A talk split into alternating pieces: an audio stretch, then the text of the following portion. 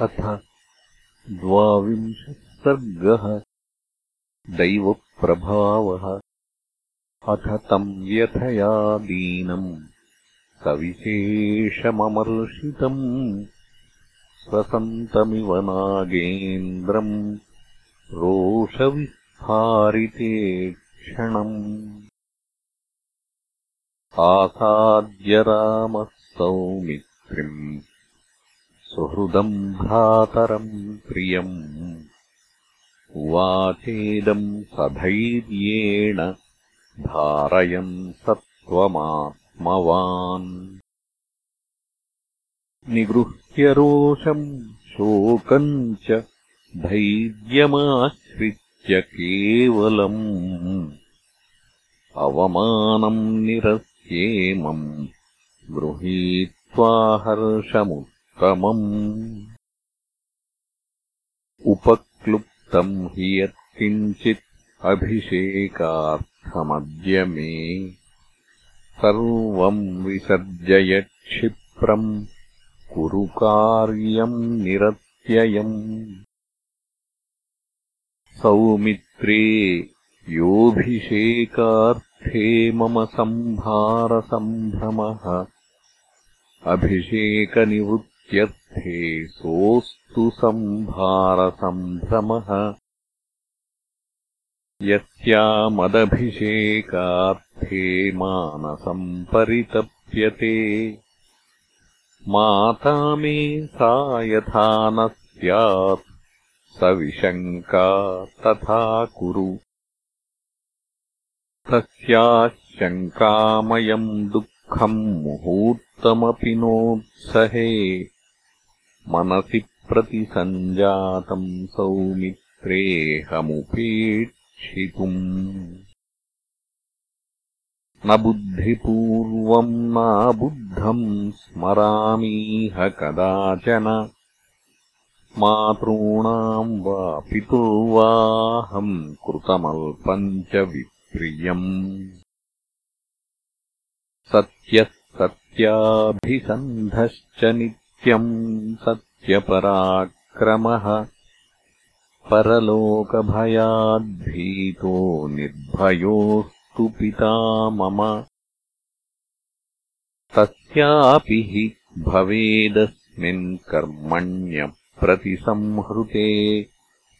सत्यम् नेति मनस्तापः तस्य तापस्तपेच्च माम् अभिषेकविधानम् तु तस्मात् संहृत्य लक्ष्मण। अन्वगेवाहमिच्छामि वनम् गन्तुमितः पुनः। मम प्रव्राजनादद्य कृतकृत्या नृपात्मजा सुतम् भरतमव्यग्रम् अभिषेचयिता ततः मयि चीराजिनधरे जटामण्डलधारिणि गतेरण्यम् च कैकेय्या भविष्यति मनः सुखम्। बुद्धिः प्रणीता येनेयम् मनश्च सुसमाहितम् तन्तु नार्हामि सङ्क्लेष्टुम् प्रव्रजिष्यामि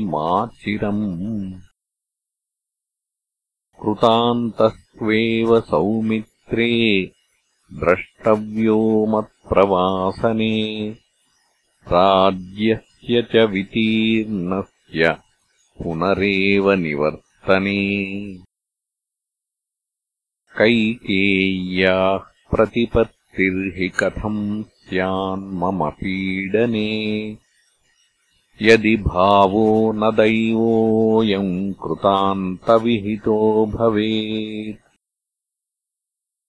जानासि हि यथा सौम्य न मातृषु ममान्तरम्।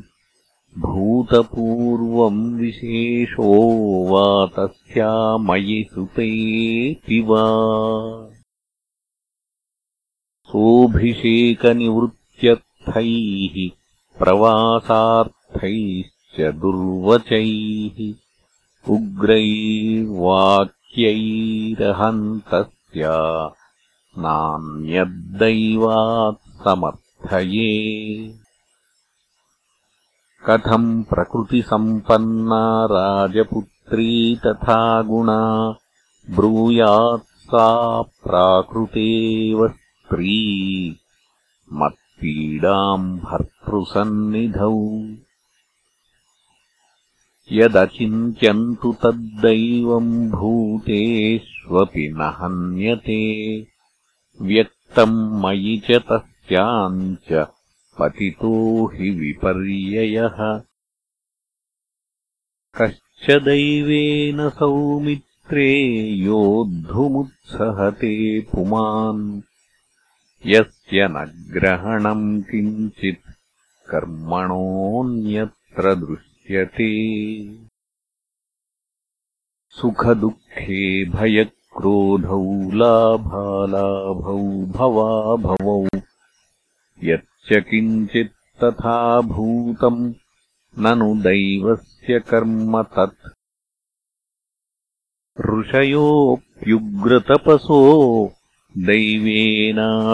दैवेनाभिप्रपीडिताः उत्सृज्य नियमाम् तीव्रान् भ्रश्यन्ते काममन्युभिः। असङ्कल्पितमेवेह यदकस्मात् प्रवर्तते। निवर्त्यारम्भमारब्धम् ननु दैवस्य कर्म तत्। एतया तत्त्वया बुद्ध्या संस्तभ्यात्मानमात्मना। व्याहतेऽप्यभिषेके मे परितापो न विद्यते। तस्मादपरितापः सन् त्वमप्यनुविधाय माम् प्रतिसंहारयक्षिप् आभिषेचनिकीम् क्रियाम्। एभिरेव घटैः सर्वैः अभिषेचनसम्भृतैः मम लक्ष्मण तापस्ये व्रतस्नानम् भविष्यति। अथवा किम् ममैतेन राजद्रव्यमयेन तु उद्धृतम् मे स्वयम् तोयम् व्रतादेशम् करिष्यति मा च लक्ष्मणसन्तापम् कार्षीर्लक्ष्म्या विपर्यये राज्यम् वा वनवासो वा वनवासो महोदयः न लक्ष्मणास्मिन् खलु कर्मविघ्ने मातायवीयस्यतिशङ्कनीया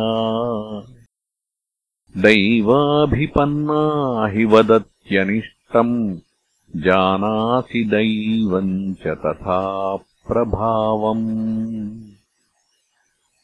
इत्यार्षे श्रीमद् रामायणे वाल्मीकीये आदिकाव्ये अयोध्याकाण्डे द्वाविंशः सर्गः